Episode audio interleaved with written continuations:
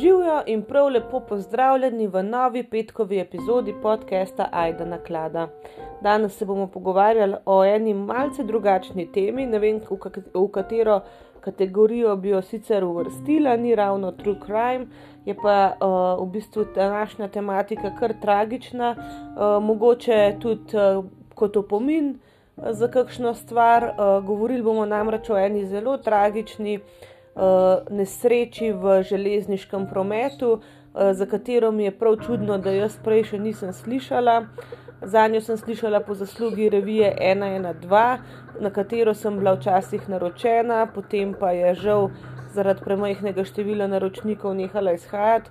Ampak, če kje dobite še kakšne stare izvode, vam jih toplo priporočam, to je sicer bolj za gasilce, ampak eh, noter je v bistvu vse povzeto razni članki o nesrečah, o tehnikah reševanja, o primerih, o vem, eh, pripravah, ki jih uporabljajo pri reševanju, o, o vozilih, ni da ni, tako da meni je bila zelo všeč. In zdaj, ko smo z Matejem za nazaj malo listali te knjige, ki sem eh, revije, no, ki sem imela spravljene, sem naletela tudi na ta primer ki me je kar pretresel in um, si ga bomo danes pogledali pobliže.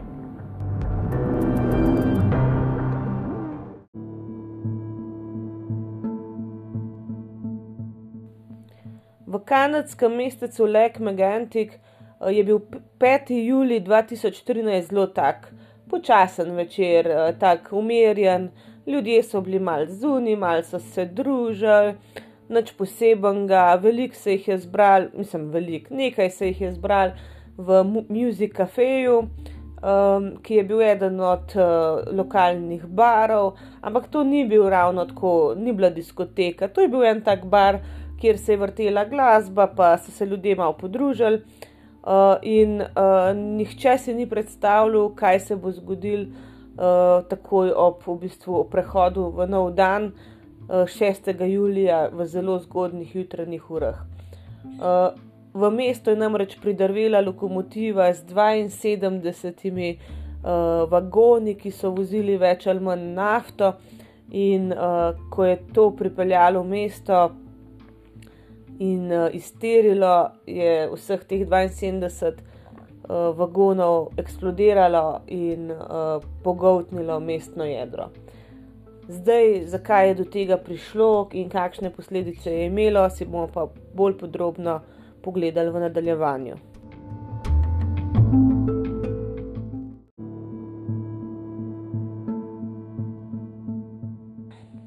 Lake Megantic je tako manjše kanadsko mestece vzhodno od Montreala, leži in šteje približno 6000 prebivalcev. To območje je pozna, postalo bolj znano leta 1646, ko je prišel tja nek jezuitski duhovnik, ki je zaril Megantik in uh, želel pokristjaniti neko pleme Abenakov. Uh, mesto se je na tem mestu zgradilo približno 200 let kasneje in prvi naseljenci so bili škotskega in francoskega porekla. Tam je bilo zelo veliko kvalitetnega lesa in tudi vode, ne, In mestece se je res uh, hitro začelo razvijati in je postalo središče pokrajine Estri. Zgradili so kmalo železnico, ki je prinesla pravi razcvet, uh, mestece je postalo paša za oči prebivalcev in obiskovalcev, in uh, turisti so res do te tragedije lahko občudovali uh, mestno jedro, staro mestno jedro, ki je bilo od tistih prvih časov čist nespremenjeno. Tukaj so bile urejene zbirke, muzeji in uh, posvečeni so bili prvim naseljencem in uh, tudi zgodovini mesta. Uh, to je bilo res zelo tako idilično, ampak uh, čez ta center mesta je bila speljana, kot rečeno, železnica. Uh, že nekaj časa so se prebivalci sicer trudili, da bi se kakšna obvoznica zgradila, če ne zaradi drugega, tudi zato, ker je bilo zelo hrupno, da so se te vlaki vse čas čez uh, mestno jedro vozili, ampak kot vemo, te stvari dolg časa trajajo in se vidimo tudi v Sloveniji, kako je s temi, s temi obvoznicami, ko ljudje prosijo, prosijo, dokler se nekaj hudega ne zgodi. In žal je tudi tukaj mogel do nečesa prideti. 5. julija zvečer 2013 je uh, vlak podjetja Montreal Main and Atlantic Railway, MMA, a ne če zdaj skrajšamo. Uh, bil je sestavljen iz petih lokomotiv in 73 vagonov, prej sem na robe povedala 72. Um, pripeljal na neko postajo v, v vasico Nantes. Ta vasica je bila oddaljena od mesta Lek Megentik približno uh, 11 km. To je bilo čisto običajno, da se je vlak tam ustavljal.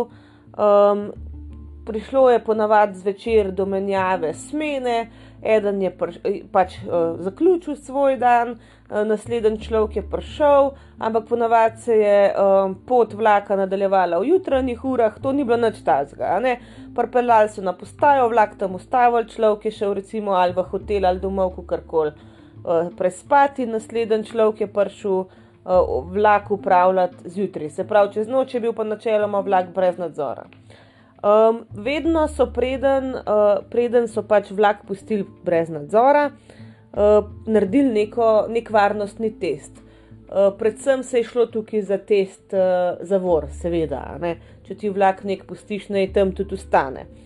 Uh, in uh, tukaj je v bistvu, no, zdaj le v zadju bobni vlak, ker imamo tudi mi dva. Uh, tukaj le železnico, čez raven hiše, uh, vi tega ne slišite, ampak jaz sem se kar malo ustavila, ker je hecen, da jaz o tem govorim, pa sli, poslušam to v zadju, ampak kakorkoli. Uh, ta test je bil v bistvu, če vam po domač povem, test ročne zavore.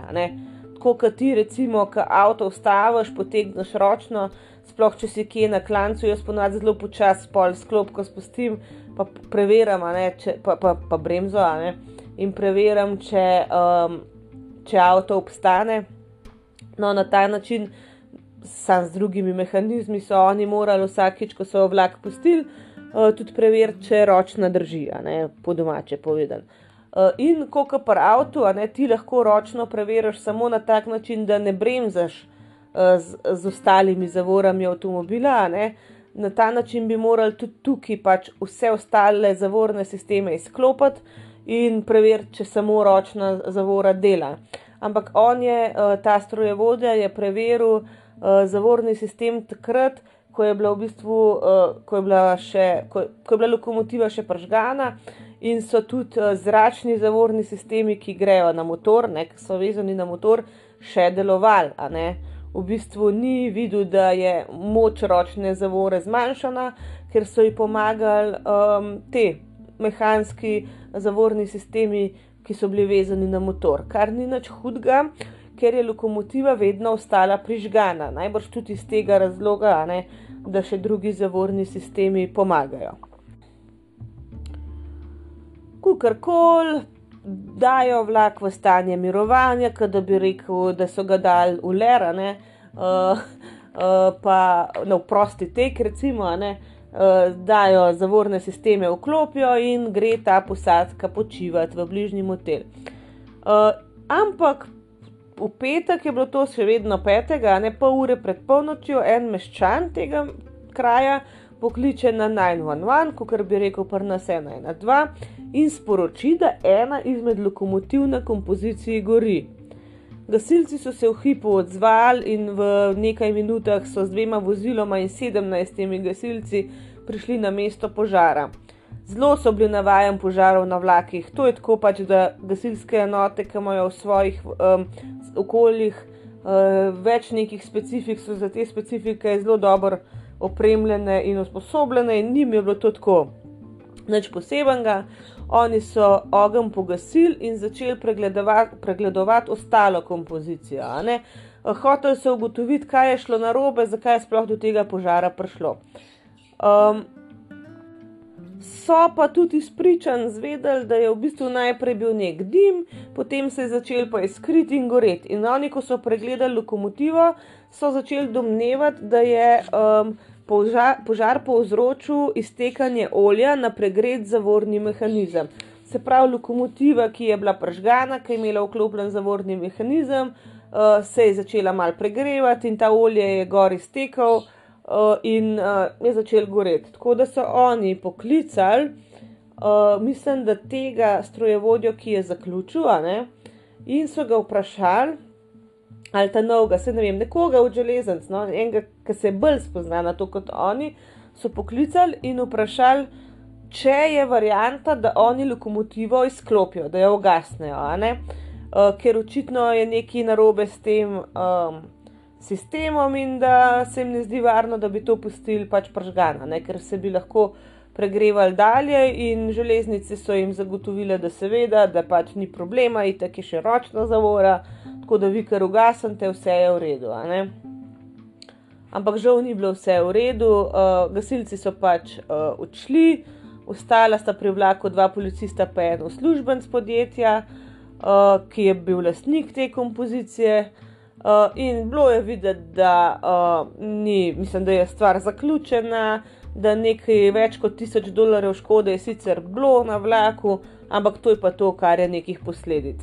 Mislim, da so pol vsi ljudje šli, da ni bil vlak več pod nadzorom, nisem pa prepričana. Ampak nekaj minut čez prvo uro zjutraj se je vlak začel brez posadke, seveda, premikati. Uh, najprej je začel drseti, kajti ta ročna zavora je zdaj popustila. Uh, že pač prej, prej je držal, ker je še motor. Zavora, ki je bila na motor vezana, je držala, zdaj je pa pač tista zavora spustila, vlak je bil težek in začel je pritiskati na ročno zavoro, ki je v bistvu počasi, počasi začela popuščati. Ne? Sej to ne crkne kar naenkrat, to je počasi začel popuščati, naklon je bil in naklon je na, na smolo mesta Lake Magentic uh, bil nagnen ravno proti mestu. Ta mestece, kjer je bila postaja, je bil od uh, mesta Lake Magentic uh, oddaljeno približno 11 km. In najprej je vlak drsel, potem je začel pa se kar uh, konkretno premikati proti, uh, proti temu Lek Magentiku, in je hiter, uh, začel pridobivati na hitrosti. In preden je prišel v mesto, vlak je imel več kot 100 km/h noter hitrosti. In uh, ta hitrost, ki je bila totalno neprilagojena, to so ti tovorni vlaki, ki se zelo počasi drugače vozijo in tudi teža je, kompozicije je bila, je bila res uh, nemogoče, je bilo, da ne bi prišlo do katastrofe. Um, kot smo rekli, proga je bila speljana čez center mesta. In najbolj oster uvink na celem področju je bil, ne boste verjeli, uh, ravno zraven Music Cafeja, tam, kjer je bilo največ ljudi v mestu na petek zvečer na enem kupu. Ta kompozicija, ta vlak je zelo nekontroliran, seveda 100 km/h propel v, v ta ovink, izteril in nekaj vagonov. Je pač, ko se je prevrnilo, je pač uh, iz teh nekaj vagonov, je takoj se izlila nafta in je prišlo do strahovite eksplozije, ki je kasneje zajela vse ostale vagone tudi in pogoltnila mestno jedro.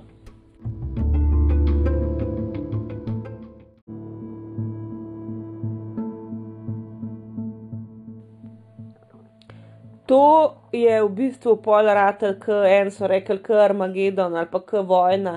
Eno uro so trajale eksplozije, ena za drugo so se eksplozije vrstile eno uro in to niso bile majhne eksplozije, to so bili polni vagoni nafte. Bom jaz pogledala, koliko nafte je bilo v teh vagonih, samo malo. No, sem preverila in sem tudi videla, da sem v bistvu prej imela prav 72 uh, vagonov je bilo teh naftnih, ne 73 je bilo vsega skupaj. In teh 72 vagonov je, je v bistvu vse nosil 8 milijonov litrov nafte.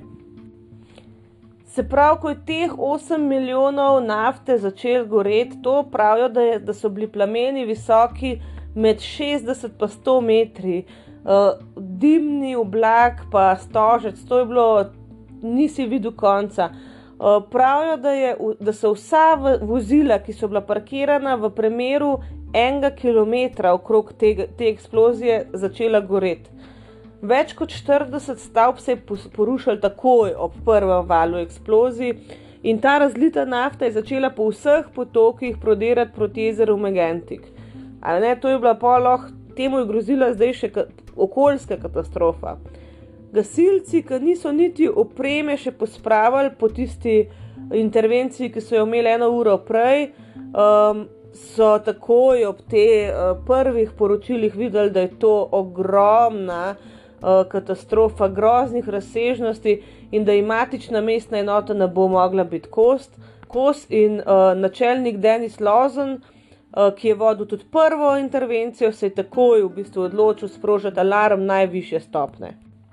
To je bila vsekakor dobra odločitev, ker je zelo skrajšal čas, ki bi ga sicer potrebovali za prihod gasilskih enot, ne če bi s, tem, uh, s to odločitvijo odlašal. In takoj so se odzvali poklicni in prostovoljni gasilci iz vseh okoliških mest in vasi. Uh, in jaz vam bom zdaj prebrala izjavo tega načelnika, kako je on dogodke sam videl oziroma doživljal takrat, ko so se odvijali. Najprej sem pomislil, da gre za eksplozijo bombnega telesa ali česa podobnega. Bila je tako glasna, da me je kar vrglo po konci. Takoj smo vedeli, da gre za nekaj hujšega in da bomo potrebovali pomoč. Še preden sem uspel priti do telefona, sta pritekla dva izmed naših fantov, ki sta bila v bližini, vendar ne v službi. Popolnoma bleda sta izdavila, da gre za vlak in naj pohitimo, ker povsod naokrog teče goreča nafta. Potem je znova počilo. Uspel sem priklicati operaterja na številki 911 in mu takoj naročiti naj alarmira vse razpoložljive enote v okolici. Potem sem stekel za svojimi gasilci, ki so bili že pripravljeni na odhod. Ko smo zapeljali iz garaže, nas je čakal pravi pekel. 100 metrov visok plamen, eksplozije in panično bežanje ljudi vse povprek. Potreboval sem nekaj sekund, da sem se zbral, na to pa smo si razdelili naloge in začeli z delom. Seveda o gašenju najprej ni bilo govora, saj je bilo povsod veliko ljudi, ki so potrebovali našo pomoč. Ko so začele prihajati ekipe iz drugih enot, smo se z načelniki dogovorili za taktiko gašenja in omejevanja iztekanja goriva. K sreči je takoj prišla tudi enota Hazmat, Hazardous Materials Team oziroma enota za delo z nevarnimi snovmi, in po dveh urah so bili na kraju nesreče vsi, tudi pripadniki kanadskega rdečega križa.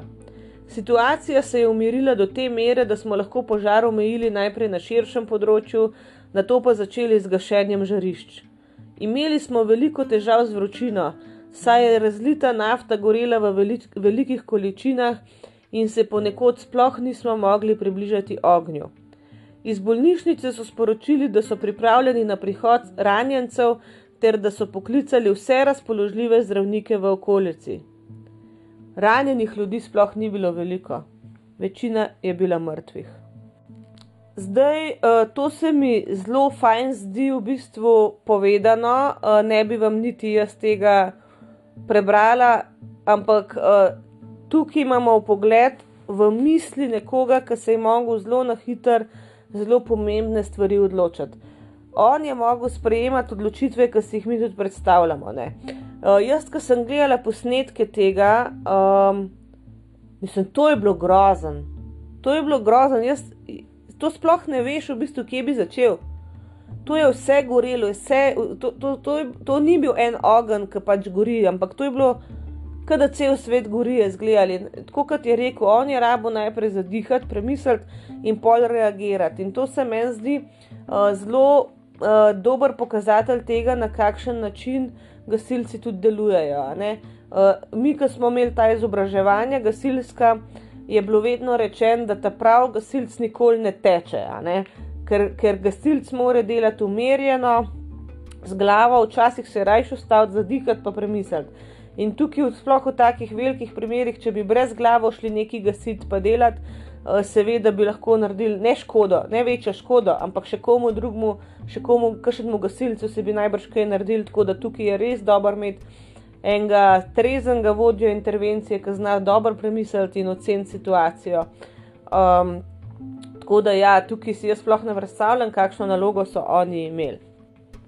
In fino se mi zdi, da je v bistvu res bilo povedano, kakšne vse ekipe so morale priti na kraj dogodka. Se pravi, ta Hezmet ekipa, oni se ukvarjajo z nevarnimi snovmi, oni so se recimo lotili uh, nafte in oni so res zajezili ta izliv nafte v jezero. Uh, zajezili neki vode, ki je tekla proti jezeru, se pravi dotokov vode, te reke pa potoki, ki so tekli v jezero, uh, nastavili so pivnike, uh, pa druga sredstva, s katerimi so začeli takoj um, nafto iz jezera odstranjevati in bili so res, um, res v veliko pomoč, da ni prišlo do hude okoljske katastrofe. Potem recimo Rdeči križ je prevzel uh, s pomočjo policije nadzor nad evakuacijo. Oni so takoj odredili prostor, kjer so, kjer so se ljudje lahko zbirali, uh, tisti, ki so pobegnili svojih domov. Uh, policija je prevzela zbiranje informacij o mrtvih in izginulih, popisala je vse, ki so se znašli na tem mestu, ali pa so uh, obstajale mogoče kakšne informacije, da so pobegnili drugam na varno. In uh, najprej, recimo, so številke govorile o petih mrtvih, pol 13, pol 50 pogrešanih. Uh, je pa, problem je pa bil, da za tiste, ki so bili pogrešani, ni, bil mogoče, ni bilo mogoče kaj dosti upanja imeti, da bi preživeli. No. Uh, še vedno je prebivalce ogrožal dim s tropenimi plini in delci prahu, in tako so pol zbirno mesto drugam, pač ne predstavili. Uh, in v soboto, okrog pol dneva, se pravi, to je, da imamo reči 12 ur kasneje, slabih 12 ur kasneje, je načelnik Lauzon uh, sporočil centru za obveščanje, da je požar omejen in da lahko začnejo reševalne enote iskati preživele. Tukaj so zdaj spet druge enote še prišle v igro, uh, reš, uh, vodniki psov, reševalcev, one, njih so mal računali, da bi prišli ampak je ta močan smrad po nafti preprečil, da bi psi karkoli lahko delali, in da tudi ni bilo nekih realnih možnosti, da bi kdo preživel, uh, ker dejansko nobenega preživelega niso našli. Um, vročina, pa količina razlite nafte je bila tako velika, da so predvidevali, da tudi forenziki najbrž večine ne bojo mogli identificirati takoj naslednji dan je prišel na mesto nesreče, polk so se tudi ljudje začeli tja vračati, uh, kanadski premijer Steven Harper uh, in je rekel, da kaj tacga uh, je možen pa videti samo na vojnem območju.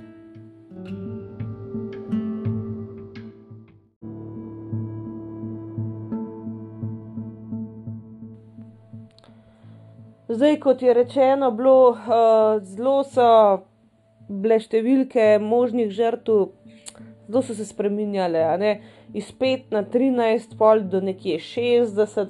Zanimivo je, da že recimo, ko je ta revija išla v Sloveniji, to je bila številka 7 leta 2014, se pravi Julijska ali pa Augustovska, zelo hiter uh, po, po tej nesreči. No.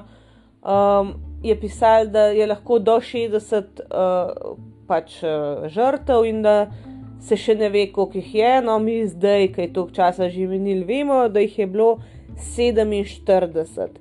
30 ljudi je umrlo uh, v bistvu v samem tem muziku kafeju, uh, veliko ljudi je umrlo na svojih domovih, uh, v okolici tega muziku kafeja, v tem centru uh, mesta, nekaj so se hiše čist porušile, pa zgorele v hipu te ljudje so v bistvu v hipu zoglenili, tukaj mislim, da ni bilo noč, mislim, ni bila grozna, seveda je bila grozna smrt, ampak ni bilo dolgo umiranja, no? takoj, takoj so umrli.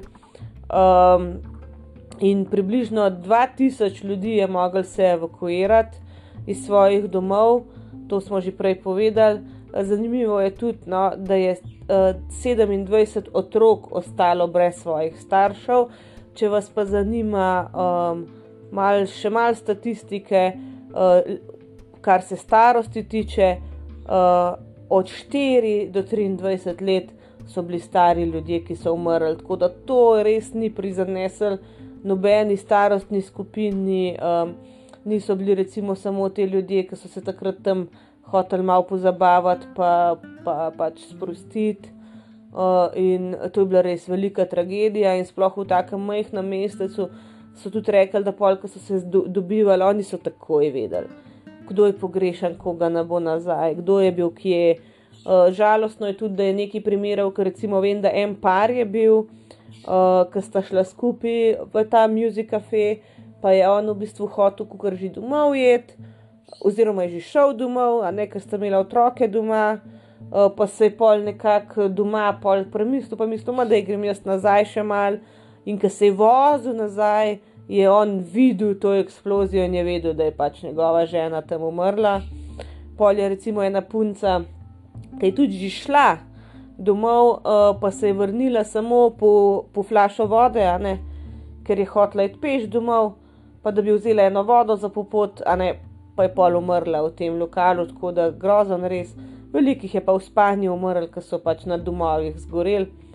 Uh, tako da, ja, 17 ljudi je bilo takih, ne, da so drugače umrli, ne v tem Music Cafeju, ampak ta Music Cafe je v bistvu bil naj, največje prizorišče uh, in tudi na um, mestu tega prizorišča naj bi se zdaj neka spominska zadeva vzpostavila. Jaz zdaj ne vem, je to že narejeno ali ni, v kakšni obliki bo.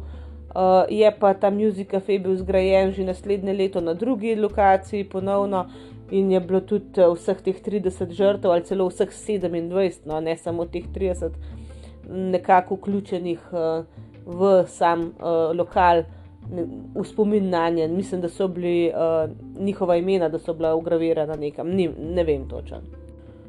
Se je pa takoj po nesreči začela zelo, mučna, zelo mučen proces identifikacije posmrtnih ostankov, uh, ker v bistvu vsa, vsa trupla, brez izjeme, so bila zuglenela do, do neprepoznavnosti. Mislim, da v prvem letu, ali kako, prv, ne vem, no, da polovica jih je bila še kar nekako hitro identificirana. Ja, med prvima dvema tednoma, ja, v prvih dveh tednih, 22 od 27 žrtev je bilo identificiranih uh, prek DNK ali pa zobnih kartotek, Um, ostali so pol kasneje jih ne, identificirali, mislim, da so vsi identificirani do zdaj, ampak da so res, res izjemno delo forenziki upravili uh, in uh, da to je bil res naporen delo in tudi veliko sodelovanje svojcev je bilo tukaj pomembno, ne, ker so prispevali DNK, ker so res pomagali, probali identificirati neke osebne predmete, ki sicer ne morejo pripomoči. Uh, identifikaciji sami, ker ni to zanesljivo. Ne? Ti najdeš zraven enega trupla denarca, kva pa veš, iz kje je preletela, je pa vsaj nekako oži izbor. Če ti približen veš, aha, mogoče je to ta, da jim primerjati s tem DNK, a ne gre hitreje zadevati. Tako da tukaj so res zelo dobro sodelovali. Ampak ja, to je bil tak del, da grozen. No? Tudi, tudi eh, kar se svojcev tiče, če bi hotel kdo videti truplo, recimo uh, se posloviti, ima ni šansno. Uh, potem so tudi identificirali prek uh, teh uh, medicinskih implantantov, recimo, če, imeli, če je imel kdo umeten kolk, če bi imel kdo, naprimer, spodbojevalc, to so vse stvari, uh, ki imajo um, pač ugravirane noter uh, serijske številke. Tako da, ja, uh, res so uporabljali vse možne resurse, da so čim prej to naredili. Um, pol se je pa seveda hitro začela iskati krivda. Kdo je bil pač kriv za to, in uh, takoj je so s prstom pokazali na tega strojevodjo, ki je, ki je v bistvu takrat vlak zapustil, in na tega novega strojevodjo, ki je bil za vlak pol odgovoren, in tega, ki je prišel zraven do vlaka. Mislim, da so bili trije uslužbenci nekako neobtoženi obtoženi, ja, no, nekako sodili so jim ne, za ta ne le zločin, ampak nesrečo. Uh, Hitro so dojeli, da v bistvu ni, um, ni to njihova krivda v smislu nekega naklepa, da bi bil to kriminal, da bi bil to uh, malomarnost. Mislim, mogoče pol so dojeli, da malomarnost, no, če že bi bila malomarnost, ni bilo pa za nalašč. Uh, bolje je bilo to, da je res pozabil uh, izklopiti tiste zavore, uh, ki so bile vezane na motor, in uh, je bil malo površno upravljen test zavora. Ne. Ampak uh, po res mučnem sojenju uh, so bili vsi trije oproščeni nekako. Uh, sicer je pa uh, MMA, ta podjetje, ki ima to železnico čez, mislim, da moglo bajne vsote izplačati svojcem, ker, uh, ker ja, um, seveda, ne, toliko ljudi je umrl in blaj pa to, v bistvu, v bistvu so ugotovili, da je to krivda uh, podjetja oziroma te družbe, ki je tako, kot povsod, ko so te velike družbe, šparalo na podizvajalcih. In pol te reveži, trije, katerim je bilo sojeno, oni so bili samo uslužbenci, ki niso dobili posel ugotavljati. Neprimerne izobrazbe za uh, upravljanje teh stvari, pa za postopanje v takih primerih, um, lokomotive so bile stare, dotrajane. To je meni se zdi približno taka zadeva, kot če spremljamo, kaj še ne vem, romunski tovornakar, ki povzroči prometno nesrečo s smrtnim izidom, pa pa ugotovijo, da je bil tovornak tak, da ne bi mogel narediti tov z tehničnega pregleda. Da se res te boge ljudi premalo plačane, da v res nevarna vozila in pa se nekaj naredi in je on odgovoren. Ne? ne vem, če je lihon, ne. Mislim, se ponova, ne vem, nič nam tukaj rekla, ampak tukaj je spet uh, na srku mali človek, ne uslužbenc, ki ni bil nič v bistvu kriv razen mogoče malo malomarnosti, malo površnosti, ki se vsakmu od nas lahko zgodi, to je ta človeški faktor, ampak ja, družba, ki je bila za to odgovorna, je pa pač mogla plačati. Tukaj se je seveda zgodil pol zraven še en kriminal v narekovajih, kajti pojavil se en kup voluharjev, mrhovinarjev, uh, odvetnikov, ki so takoj prišli v narekovaju na pomoč prebivalcem um, tega mesta kar mi bomo vas zastopali, vam bomo pomagali, eh, celo neki, da ne bi zaston, ampak v drobnem tisku, je, ki ga mnogi niso prebrali, ne, eh, je bilo, da um, 40% vsega, kar bi oni pol dobili, ne, ta odvetnik pobere, tako da so skoraj brez polovice denarja ti ljudje, ki so podpisali te izjave, ostali, mislim, da je bilo to uh, od 27, ki bi lahko, uh, ki so imeli pravico do tega, da jih je 20 podpisali, no, velika večina.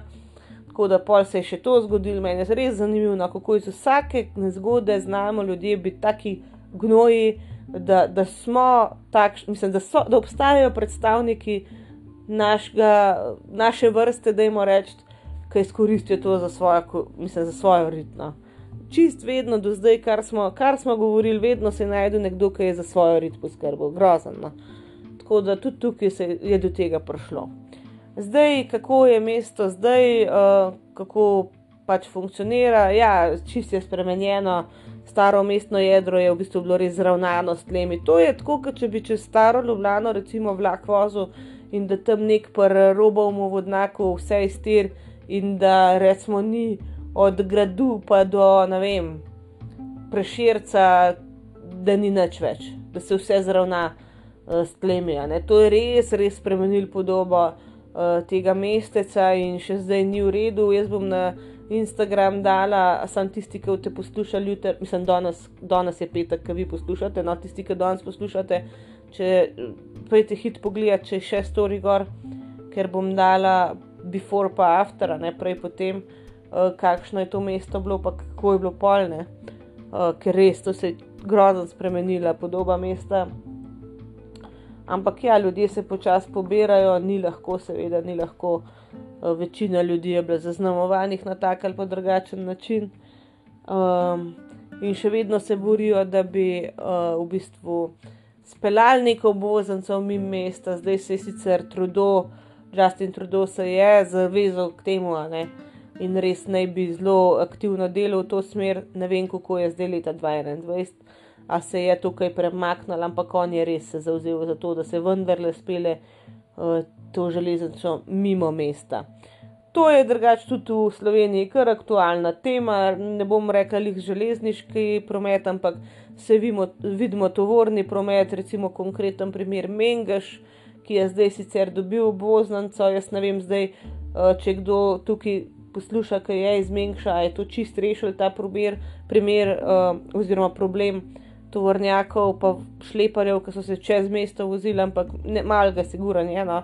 Tam so se dobesedno do šlepari čist čez center tega kraja vozilne. In, uh, in to je siguran nevaren za, tudi za otroke, za vse skupno, ni, ni, ni fajn. In tega je v Sloveniji ogromen, pa se tudi ne rabi biti lihtovorni promet, se vidimo recimo zdaj tukaj na Bledu uh, se o obvoznici govori že ne vem koliko časa, dočakali ne bojo, promet vemo, kakšen je, polet se takoj zabije. Uh, recimo, da grem jaz na soboto do povdne po Fasengo, vse se lahko vozim eno uro nazaj domov. pa se to veži najbrž 20-30 let, zdaj jaz ne bom pametna, ker nisem toliko časa tukaj, ne, jaz sem zdaj nova kle, ampak tako kot domačine poslušam. Lahko jamrajo, pa se pritožujejo, ampak na koncu jim preostane samo ena luknasta bližnjica, da se temu izogneš, ker očitno oblasti naredile nojo lihke dostane. Um, to je to v bistvu ne, za današnjo epizodo. Uh, mal me je kar zmrazil, ker sem to poslušala, pa gledala, videla so se pol kar malo spogledala, ker tukaj direkt pod najno hišo teče želo, železnica. Uh, sicer so res bolj tovorni vlaki, uh, ki so zelo počasni, če pa je potniški, je pa tako, tako postaja blizu, pa ustavljajo, tako da noč ni moteče, ni preveč glasno, oziroma se na, na ta hrup se čist navadaš. Ampak tako ne, če si predstavljaš, da se nekaj takega zgodi, mislim, grozen. In tudi žalosten je, kako recimo niso mogli biti niti upozorjeni. Zato se jaz tudi sprašujem, recimo te ljudje, ki so najprej čuvali to, to lokomotivo, ki smo rekli, en uslužbenc, pa dva policista, najbrž jih res ni bilo več tam, ne? ker bi vsaj nekako lahko javili. Sicer jaz ne vem, če je to tako hitro letel, da bi se lahko kdo evakuiral iz tistega strozga centra pa kam sploh, ne si niso vedeli, kje bo izteril. Ampak ne vem, mogoče bi se dal kaj upestiti ali pa ne, kukar koli, zgodil se je, kar se je.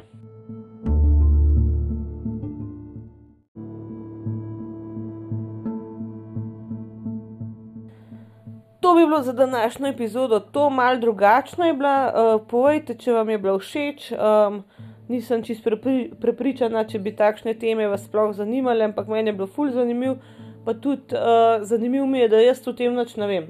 To je konec koncev ogromna nesreča. Ne? Recimo zdaj je bil pred kratkim, ki je bila ta prometna nesreča z avtobusom, ne vem niti točen, koliko ljudi je umrlo, ampak manj kot kleja, pa, pa je full govora o tem. Mogoče v tistem času mediji še niso bili tako željni uh, hudih zgodb, ker zdaj se mi pa zdi, da mogoče mediji sam to iščejo. Sam neki groznega, neki groznega, imamo objaviti, ki se je nekaj hudega zgodilo, da bo folk še bolj napsihiran. Tako da se mogoče ni, ni včasih treba, da vse vemo, no? ampak če je pa taka zadeva, resno, zanimivo, da nismo nič vedeli.